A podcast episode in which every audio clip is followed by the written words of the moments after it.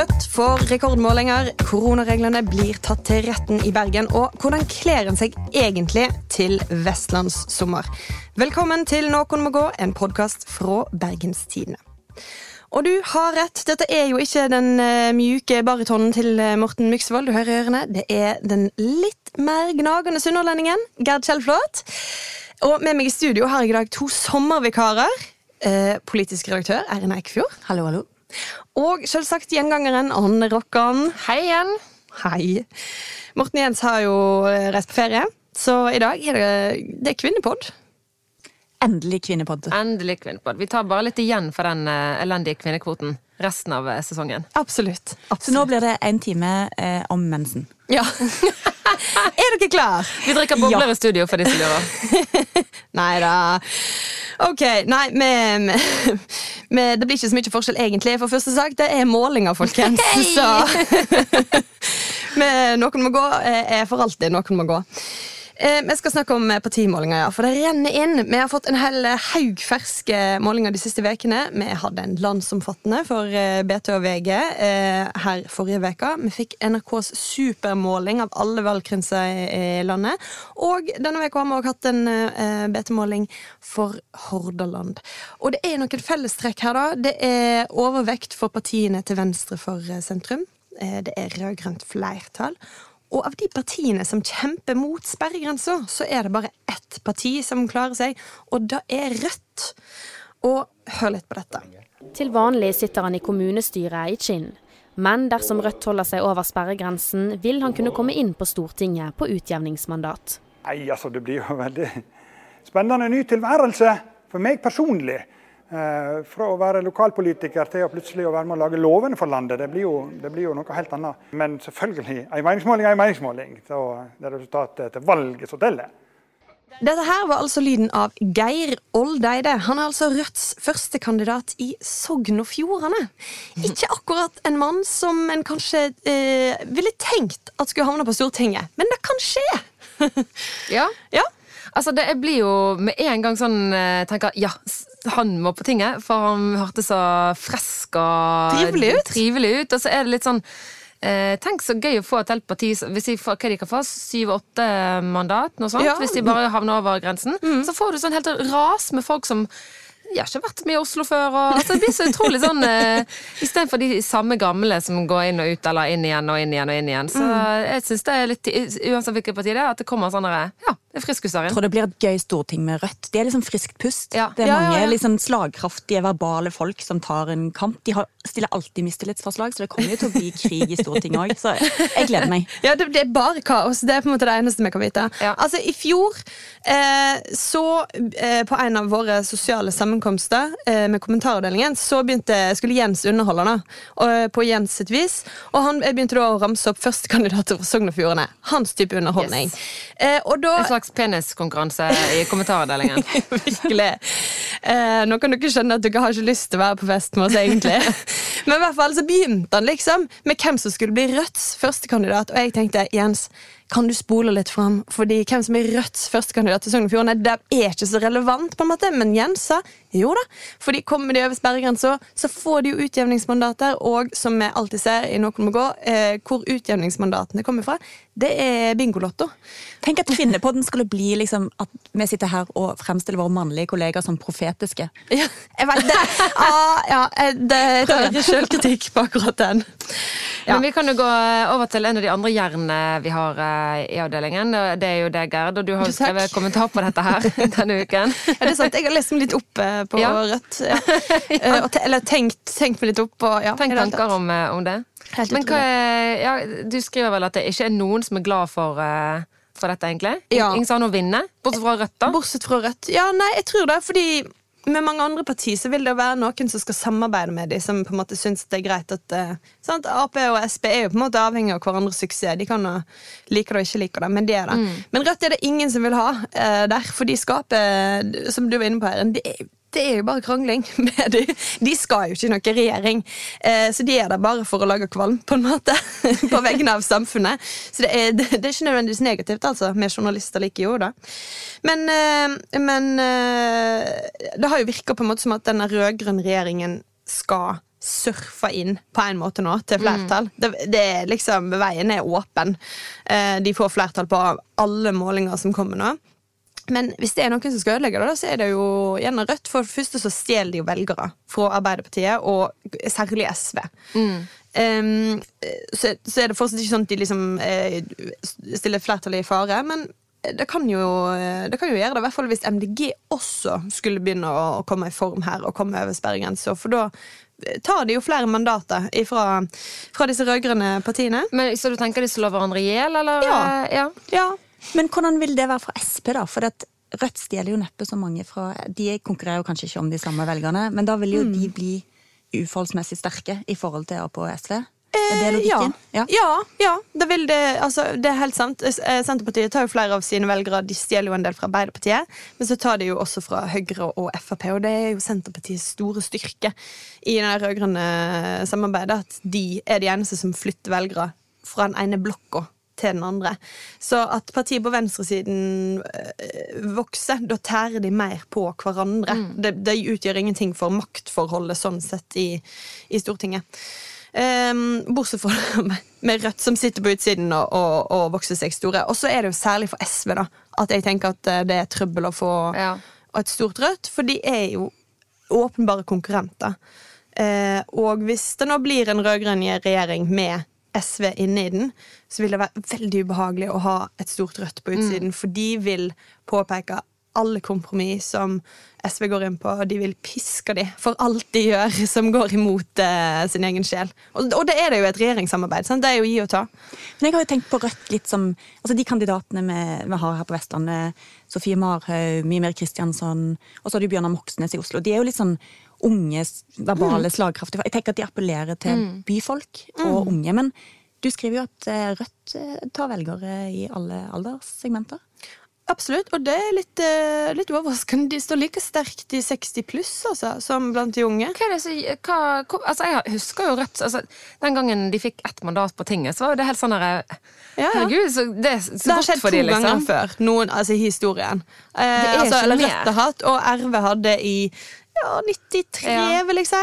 Eh, så hadde de ja. Jeg liksom vokst opp med Torstein Dale sånn utrettelig kamp sant, for å gjøre dette partiet til noe mer. Ja. Eh, og så plutselig ble det det, og nå blir det plutselig sånn Å, hei, hei! Eh, Åtte mandat på tinget, herregud, det er jo Men hvor, hvor, eh, Har du noe teori på sånn, hvor kommer det fra?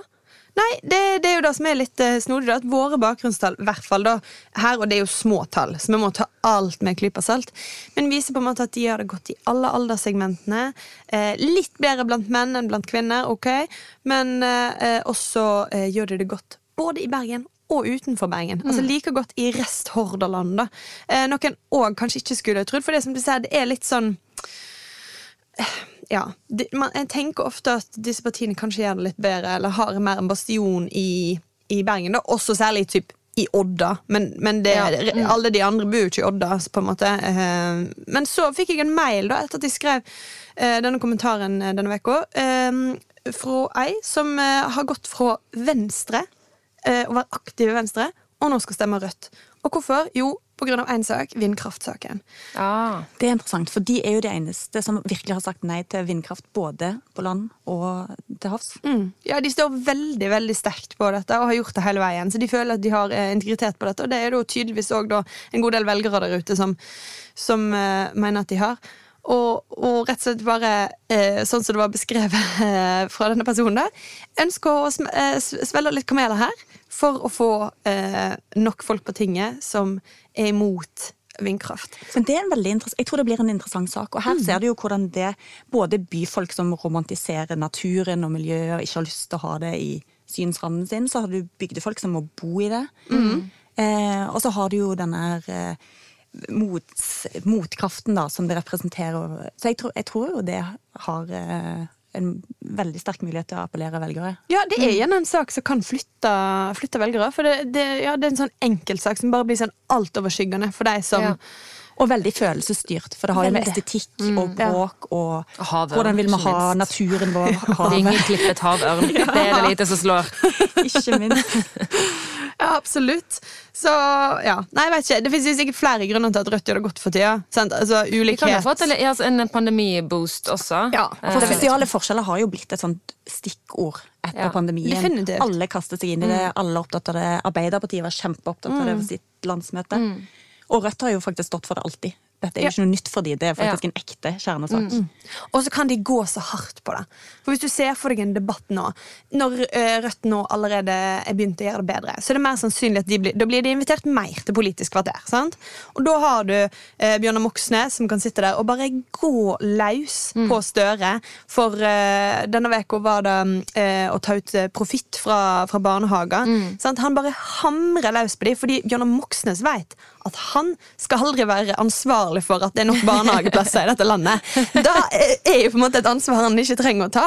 Men Støre vet da at han må da, han må finansiere alle disse barnehageplassene, om de er private eller kommunale. eller hva det er. Så han må være litt mer dempa, kan ikke eh, gå så hardt ut på banen. Framstår da selvfølgelig mye mer svak, utydelig, vanskelig å forstå. Er han egentlig for, eller er han egentlig imot? Ja, og alt han sier nå vil han jo bli konfrontert med om veldig kort tid. Ikke sant? Mens Rødt kan jo bare kjøre på. Ja. Og, det, og de, de får en enorm fordel i, det, i debatten, og kan liksom, ja, de kan virkelig ødelegge masse framover. Da, på en måte, hvis, Vet du hva? Det høres ut som Rødt har det jævlig gøy på jobben om dagen. Ja, altså, det. Dette er både i deres ånd og liksom rent sånn eh, posisjon akkurat nå. Så står de jo Høres ut som de har eh, alle muligheter og ingenting å tape, da. nei, nei, rett og slett. Og jeg tror vi kan få det ganske gøy da, på jobb. Fordi, Hvis vi skal være helt ærlige, da, så blir det jo en ganske mye kjekkere valgkamp hvis det ikke bare er ja, ja, det blir jo rød-grønt flertall, Ja. og det er tydelig hele Men, men hva er, hva er kan konsekven... Altså, tenker du at det kan bli blått flertall, eller blir det bare en mindretalls... Uh... Det er veldig vanskelig å se for seg nå at det er noen vei til at Erna Solberg kan fortsette. Sant? Det, det fremstår jo helt umulig sjøl nå, men, Men, da jeg sånn, nesten litt sliten ut av pandemien. Og så har vi snakket så mye om det, så sånn, vent litt, oh, ja, ok, en runde til. ja. Eh, altså Det er ikke Erna Solberg sin feil, men nå er vi bare, jeg tror hele nasjonen er litt sånn der, er lei av Erna Solberg. ja, ja, nei, Både de som gjerne vil ha henne, men de som også vil bytte henne ut. Alle er gått sammen om å innstille seg på at hun blir byttet ut. Så jeg tror til og med de som egentlig vil ha henne, blir litt sånn Å ja, fikk vi henne igjen? Ja, det, det ville blitt en overraskelse, definitivt. Men, men det er klart at um, det ville blitt mer, mye mer uklart og rotete, på en måte, eh, ehm, storting hvis eh, det ikke blir et flertall. Altså, da, ja, altså, eh, mindretallsregjeringer er jo på en måte regelen i Norge, og det er jo ikke noe galt i det, men da må jo de finne sammen. Da må du finne koalisjoner her der du kan eh, som kan gi støtte for et statsbudsjett. Og hvis eh, Arbeiderpartiet og, og Senterpartiet må liksom snu seg til SV og eventuelt et annet parti, MDG eller Rødt Altså, ja, altså Senterpartiet og MDG eller Senterpartiet og Rødt. De Altså, finner Det ikke kan helt bli, sammen. det kan bli noen kompromisser. det kan bli veldig slitsomt, da. Svelge noen karameller, som de Ja, pleier å det, si. det er akkurat der det blir. Yep. Nei, men eh, det blir i hvert fall spennende. Vi skal gå videre og snakke om um, eh, krangling fra krangling på Stortinget. Til Kan krangling vi i Bergen. kanskje ha en podd uten å snakke om eh, krangling? Oppgjøret med koronareglene er jo nå i gang, og det skjer jo selvfølgelig i kranglebyen Bergen. For 6. november i fjor så forbøy byrådet å samle flere enn fem personer i private hjem. Og samtidig selvfølgelig så var det jo mange som gikk på fest. To kvinner blant annet ble tatt av politiet, fikk flere tusen kroner i bot, men de nekter å betale. Fordi de mener at denne fempersonersregelen er ugyldig, og at byrådet ikke har begrunnet den skikkelig. Og Roger Wallam er med oss fra studio i Bergen. Ehm, hva er den konkrete smittefaglige grunngjevinga for ei grense på fem i stedet for ti?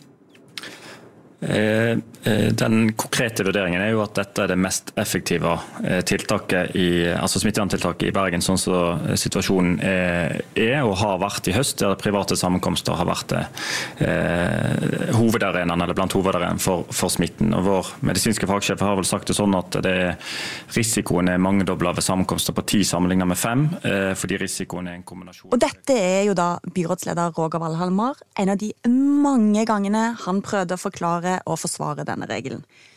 Og advokaten i rettssaken sier at denne saken handler jo egentlig om et byråd som har slurva og fått litt overtenning. Jeg elsker han her advokaten. Både fordi han heter Didrik Rodarte, hvis det er sånn man uttaler det. Hvis det ikke, beklager. Jeg tror man sier det veldig sånn Didrik Rodarte. Rodar. De drikker den. Kan vi bare kalle han kan vi bare kalle han for det? Men han er jo, å, han bruker så masse Han, han er jo der for sirkuset, på sett og vis. Da. Og han trakk paralleller til Ibsens En folkefiende når han snakket om smittevernoverlege Løland. Som har vært den der fagpersonen som egentlig har vært imot dette hele tiden, hvis vi husker litt tilbake. Mm. For det var jo kaos. Smittevernoverlegen sa opp jobben sin, fortalte at hun var jo ikke enig i det hele tatt. Og ingen nye vil jo ha den jobben heller. Så Nei.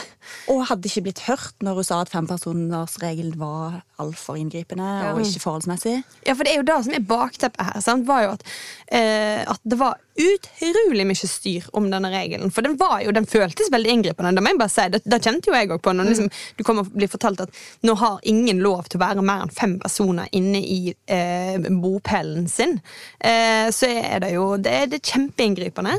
Og så ble det masse spørsmål om eh, hva er egentlig bakgrunnen for dette? Så Smittevernlegen eh, viste seg jo at ikke var så om bord som Roger Wallamer først framstilte det ja, sånn. for hun Karina Løland, en ting er at hun ikke ble hørt, men hun ble jo heller ikke spurt. Nei, hun- Så hun på eget initiativ av, sender sin på en måte, uttalelse om det, da, eh, så sier de sånn Å, artig at du velger å uttale deg, smittevernoverlegen, men vi har faktisk allerede bestemt oss. Ja, det, det var så Eh, utrolig ovenfra. Ja, men en de hadde hørt med, var jo Det fortsatte jo òg i rettssaken, der han Ja. medisinske overlegen sier sånn ja, men det var en svak vurdering. En, svak, en faglig Fag- svak vurdering, som er sånn Greit nok at du er på en måte også medi medisinsk eh, fagperson, men hun var nå en gang smittevernsoverlege, så åpenbart spesialist på det, og så skal du gjøre deg til herre over Oser liksom paternalisme av denne kommentaren der. Ja. Bare kjenner jeg blir provosert. Og det var jo han også, han eh, Hansen eh, Som Trond Hansen, Ja. som tok initiativ til hele, hele den regelen, sammen med eh, kommunaldirektør for helse, Kjell Wolff. Og så har han fortalt at Men han Wolff, han, han er faktisk eh, utdannet jurist, og det var også en annen jurist til stede. Ja, og det blir litt sånn, det, det er litt som om, eh, om eh, sentralbanksjefen eh, Eller hvis jeg skal eh, Hvis du eieren vedtar et statsbudsjett, og så sier du sånn Men Anne var i rommet, og hun er Det var faktisk en økonom i rommet. Ja, så sånn, men jeg har jo ikke jeg, Hallo, jeg er jo ikke spesialist på det. Eller hallo, du kan ikke bare slenge den ut. Men det var en jurist i rommet. Ja, Det hjelper ikke å ha en jurist i rommet, rett og slett. Og hele poenget her er jo at når du skal vedta så inngripende regler mot folk, så må du ha gode grunner, det må være nødvendig, det må være forholdsmessig. Inngrepet må liksom stå i forhold til smittefaren. Og så må du gå gjennom de der kravene og faktisk vise ikke bare at du har en jurist i rommet som har stått og vifta med en lovsamling, men faktisk at du har vurdert det. Ja. Ja. Og det er det de sliter med. ja, og da er det fint at du har spurt hun som er din egen ansatte på feltet.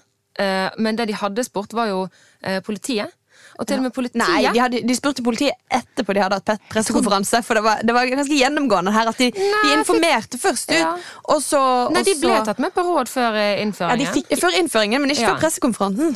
Altså, de Nei, fikk okay. lov til å komme med innspill, og så var det Ja. ingen som det, det gikk så fort at ingen hørte innspillene før Ja, de var allerede Men det er- lille politiet rakk å si, var jo at de også var imot det. Mm. De syntes det var, de syntes ikke det holdt mål. De ønsket seg en tipersonersregel istedenfor en fempersonersregel. Så, Så de får, få, og litt sånn rare instansene, de, alle de ulogiske instansene de har spurt, har også protestert. I tillegg så har jo han eh, kommuneadvokaten Mm. eh, ment, eh, herlig sitat, trodde ikke dette ville stå seg i en rettssak, og nå er vi her. For det er så tidlig. Og hva gjør han? Nekter å vitne. ikke. Og det er jo egentlig bare altså, Det sier jo alt, egentlig. For hvis han skulle stilt opp i den rettssaken, så måtte jo han sagt at Syns kanskje ikke dette var helt godt nok. Og det tar seg jo ikke så godt ut at han ser Nei, det vil han jo virkelig ikke bli tvunget til å si. Nei. Altså det er jo bare, Vi må bare ta stolthet i at det første sånn skikkelige kanskje sånn koronaregeloppgjøret, nå når pandemien eh, er på hell, det kommer i Bergen, og så er det liksom kommunen som gyver løs på hverandre i et sånn basketak i en rettssal. Alle glemmer jo de der to tiltalte jentene eh, oppi dette. Men- Men det er kanskje like greit, da. For de har jo en ganske svak sak. Altså sånn, En ting er at det er sykt inngripende for folk at du ikke kan være mer enn fem personer i ditt eget hjem. Ja. Men det er jo et stykke derfra å si sånn Ja, men jeg stikker på holde Holder fest. Ja. Inviterer mine 50 nærmeste venner, eller sånt. Nei, for det var jo på denne festen her eh, måtte også gå litt tilbake i arkivet. Heldigvis har vi jo linka oss bakover, så jeg kunne se på hva, hva type fest var dette. Jo, det var en fest der eh, politiet kom, og ga bot til 13 stykk, som var de de fikk tak i. Eh, så vi ser at det var mer enn 13 folk på denne festen. Og bare for å minne om igjen, dette var i november. Smittetallene på dette tidspunktet var mellom ja, De var av og til nede på en 80, og så var de oppe på 120 til dagen. sant? Ja. Dette her var en tidspunkt der det var skikkelig ubehagelig, og jeg skjønner veldig godt at byrådet var svett, og at de trengte å gjøre noe, og, og, og prøvde å jobbe ganske raskt her. Det forstår jeg. Eh, så altså eh, Det ble vel spurt til denne kvinnen her eh, som hadde denne festen, om eh, hun var eh, klar over om denne fempers, eh, fempersonsregelen, eh, at hun brøt den. Så hun var sånn litt vag. ja, Vet ikke helt hva hun visste om reglene. Jeg tenker, Du var klar over Ja. at det ikke var greit å ha en fest med Ja, ja, ja, ja. 13 stykk når det liksom er 100 personer som får Og da kan du bare spekulere hvor mange som egentlig var der. For når jeg ser for meg politiet komme inn med en sånn dyp håv, så de bare sånn veiver rundt med, og så får de tak i 13 stykk. Så egentlig så yngler det ut med liksom Og de hopper er og rider å ride av gårde. Hiver seg på sparkesykkel, galopperer inn i eh, islagte Brosteinsgata. Men det er jo sykt irriterende når du har en ganske god prinsippsak, for det mener jo de har i denne saken her. Det var ikke godt nok begrunna. Kommunen har ikke gjort jobben sin. Du mener at de skal slippe unna?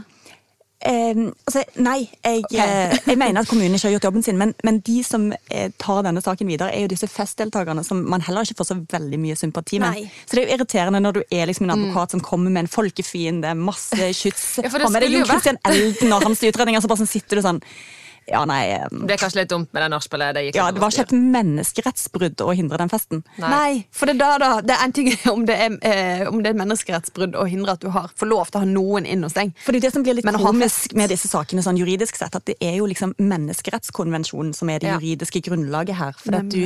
Griper inn i folks privatliv. Mm. Og skal du gjøre det, så må du ha gode grunner. Og smittevern er selvfølgelig en sånn god grunn. Ofte er liv og helse trumfer ganske mye. Mm.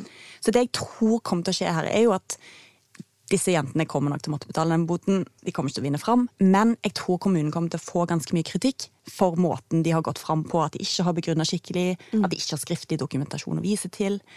Um, og det var litt det som skjedde i denne rettssaken i Oslo. Det har vært i Oslo òg, men ikke like stort sånn krangelpotensial. Disse herre som har hytter i Sverige, som gikk til sak mot staten. Og den er ganske lik.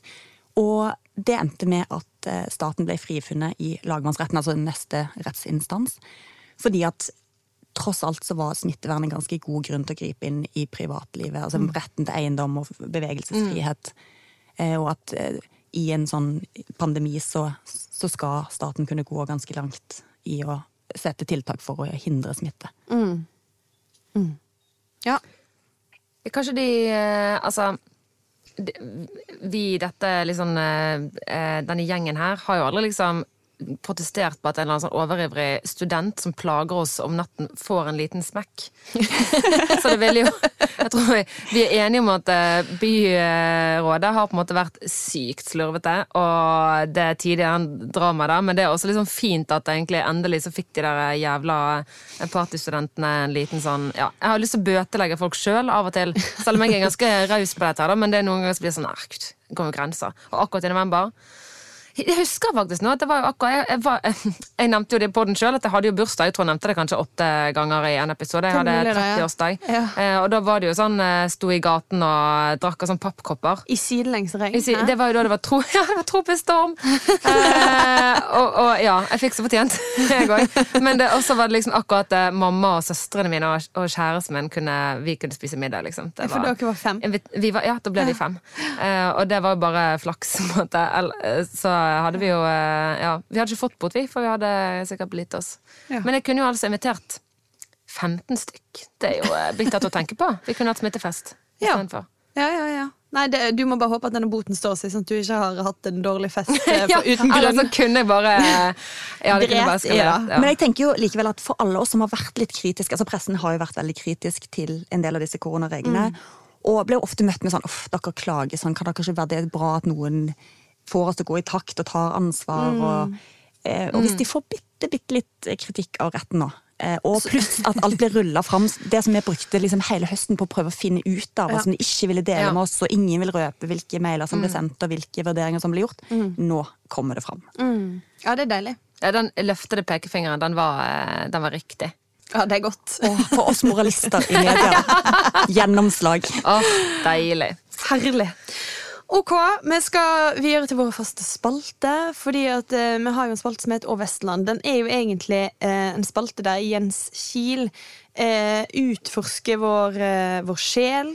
eh, og, og prøver å, å finne ut hvem vi er. Han er jo ikke her i dag, men vi er blitt så glad i dette at vi kanskje lar den sjansen gå fra oss. Så Anne, du har tatt ansvar. Jeg har tatt ansvar for Vi, altså, vi prøver å lære Jens ting, eh, men vi er nå i en situasjon, tenker jeg, eh, rent eh,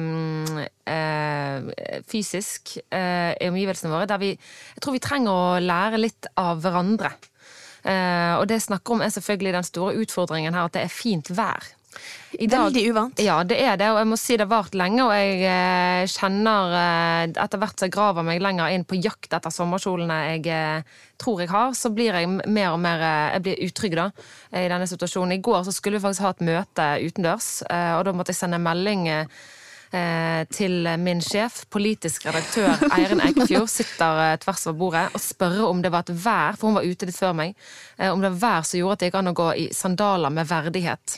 For det er noe jeg føler sitter litt langt inne for en vestlending, å ta på seg sandaler for å gå ut. Det er en del tunge beslutninger politiske redaktører må ta. Ja. Så- Ja. Dette var en bisetning. Jeg lover Men at jeg ikke mail. Men etter en mail. grundig analyse av situasjonen Kan du bruke din kapasitet og arbeidstid på å hjelpe meg med skotøyet? Men jeg hadde full forståelse for situasjonen, for dette er jo virkelig en av mine kjernesaker. Altså, som kommentator så har du kanskje sånn fem saker du egentlig bryr deg om. Ja. Sommerbekledning, særlig på arbeidsplassen, Ja. er en av mine. Ja. Det- Ja, for dette har du, dette har du gått eh, hardt ut på Dette før. Hva er, hva er altså, problemet? Ja, for det, dette er jo et resultat av at jeg i mange, mange år som en stakkars arbeidstaker kommer ut, det er ikke fint vær, jeg går i kjole, drister meg til sandaler, uten strømpebukse, og bare digg, kommer på jobb, og så blir det så sinnssykt kaldt. Ja.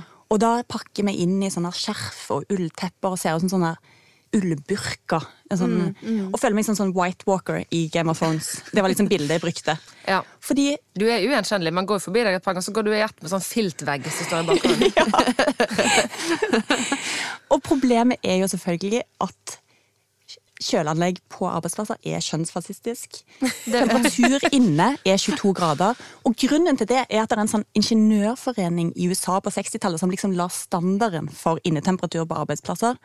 Og de Dress, slips, litt sånn stram knute i halsen. Ja, de har noe i halsen som er viktig på Vestlandet. Ja, digg med 22 grader. Mens oss stakkars i sommerkjoler, Ja. Vi trenger minst Ja, 25. for det, dette gjelder jo egentlig hele året, så jeg, jo, jeg stiller meg så 100 bak eh, den, også. er klar. Ja. Altså, det er kaldt hele året, men det blir jo bare verre av at kroppen din og sinnet ditt og ikke minst bekledningen tilpasser seg sesongene. Ja. Så når sommeren kommer, så er du ikke stålsatt for den der isfronten som møter deg på jobb. Ikke i form av eh, nære og kjære kollegaer, men rett og slett inneklima. Og, og som, som, som, som din eh, gode sjef Anne, så har jo jeg liksom tatt på meg rollen med sånn Jeg har et lager med ull til alle. Helt sant? Altså, jeg kommer jo jevnlig, og det gjelder jo både sommer som vinter, at jeg kommer sånn her Har du den der uh, ullgenseren? eh?» Og så låner jeg en sånn slags kappe Eirin har liggende. Og jeg til og med spør sånn, hvor har du kjøpt den? Det var en eller annen eh, obskøn butikk i London en eller annen gang. Så det er liksom helt sånn uoppnåelig plagg. importere på Ja. vegne av bedriften. Alle sammen kunne hatt, kunne hatt en sånn poncho eller et Jeg har faktisk ja. en lekk altså Jeg fryser hele tiden, så jeg er- er jo vanskelig å tilfredsstille på dette. Men jeg har faktisk fått jul en gang en sånn elektrisk fleeceponcho. Et, et fleecepledd som er formet som en poncho. Ja. Perfekt når du rider, den. Ja. Fy se på deg det, da. Men den, eh, jeg trenger alltid kontakt, så det, blir, det kommer til å se veldig speis ut med en sånn liten, eh, sånn liten eh, batteripakke på, på slep. Men ehm, nei, jeg, jeg, jeg, for den er, den er elektrisk? Altså, å, jeg, jeg trodde du mente at den var sånn statisk elektrisk. Nei, du nei, plugger den i Du plugger den i veggen. veggen, og så kan du stille den inn på seks ulike temperaturer. Og det, ja, eh, den, har Den må jeg, du ha med her på Jeg skal jobb. ha med den på jobb. Litt, nå har du, vi har ikke vært så mye på jobb i vinter, da, så det er derfor den ikke har kommet inn. Men jeg skal også bruke litt sånn demonstrativt, tenker jeg. Ja, det synes jeg. Eh, At uh, sitte her eh, og litt sånn nedgravd i den. Men utepils må du liksom sitte ved siden av en kontakt. Ja, aller helst. ja Sitte ved siden av eh, lyd, eh, altså, lydanlegget. Det Sånn, høres ut som ja. at du driver og langtidssteiker deg sjøl. Det er da du Ja, egentlig grill, jeg grilles litt sakte. Gi meg eh, 30 år til, du, så eh, skal du bare se. Det er deilig. Litt rosa i midten. ja. må vi, jo, vi må jo vokte oss for at dette ikke blir en kvinnepod. Ja, ja, ja. Og bekledning og sommeren handler jo òg om menn i shorts. Ja. Ja. ja. Ja. Er det lov? Ja eller nei? Eh, Ja, jeg sier ja til menn i, eh, i shorts. Det gjør jeg. På, på jobb? Eh, ja, men altså, tenker her eh, Jeg har faktisk tillit til eh, eh, Nå skal det bli litt sånn høyresideregjering. Jeg har tillit til at folk klarer å ta disse avgjørelsene sjøl. Eh, selv om jeg er klar over at det er en del utglidninger i, i komfortsonen. Da snakker du om oppover. Eh, Riktig, lengde. riktig. Så det er mange feller å gå i på Ja, shorts. men dette, jeg, har også eh, gått, jeg går jo sånne type feller sjøl, for at jeg på meg et shorts, tenker jeg sånn der, Gud, dette har vokst fra for lenge siden. Så jeg spiller, nei, det går akkurat. Kommer på, setter meg ned. Ja, ja, det ja, gikk ikke. Nei. Eh, som jeg står resten av dagen. og det, så jeg har litt forståelse for at du kommer jo bare så, Oi, gud, det var, det var sånn at du hadde det der teppet ditt å ta over det elektriske.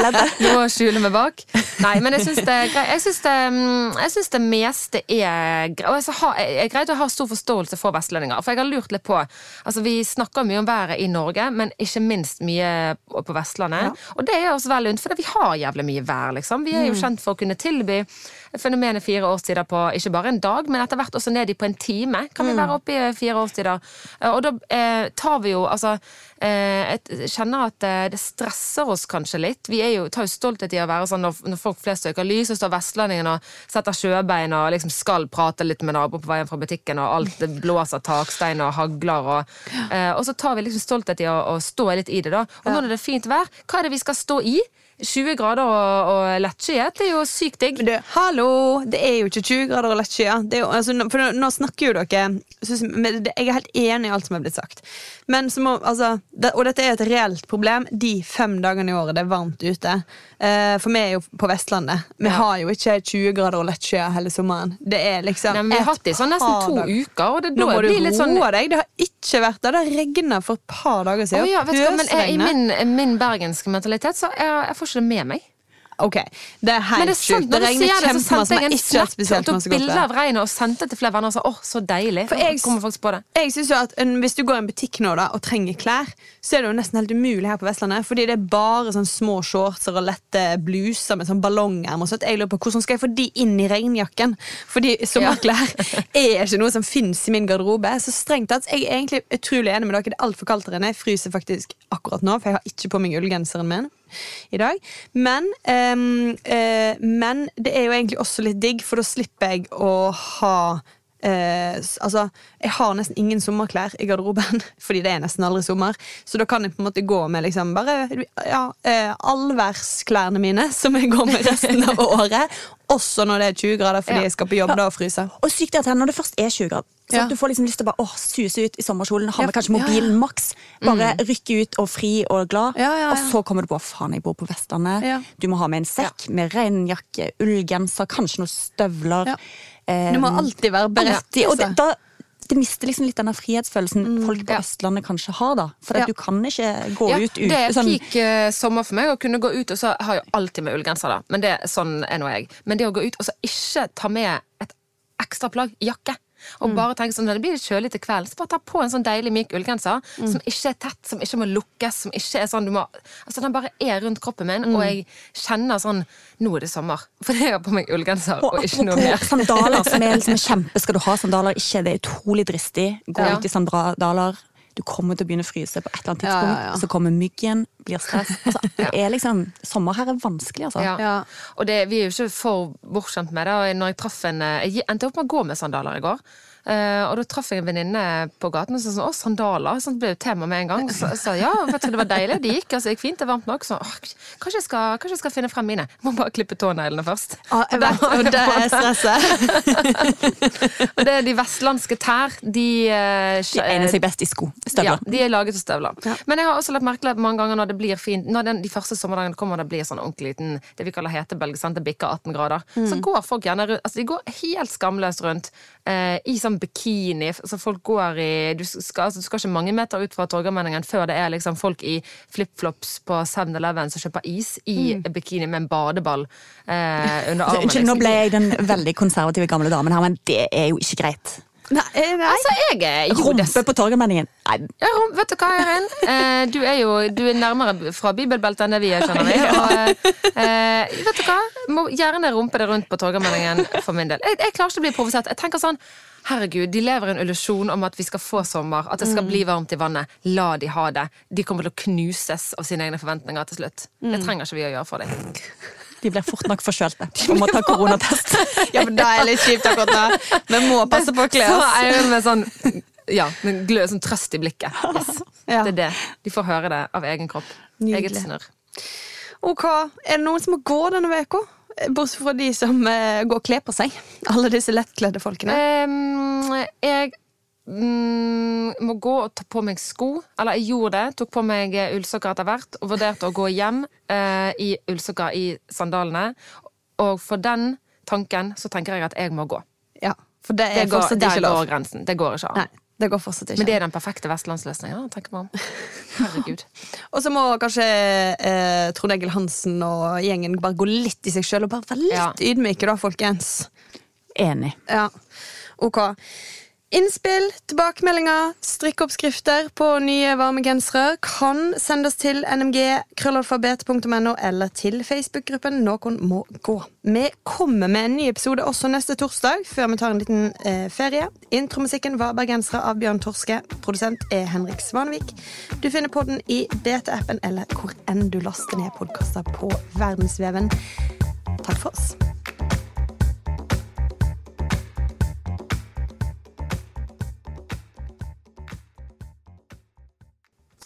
Der klarte du veldig bra, Gerd.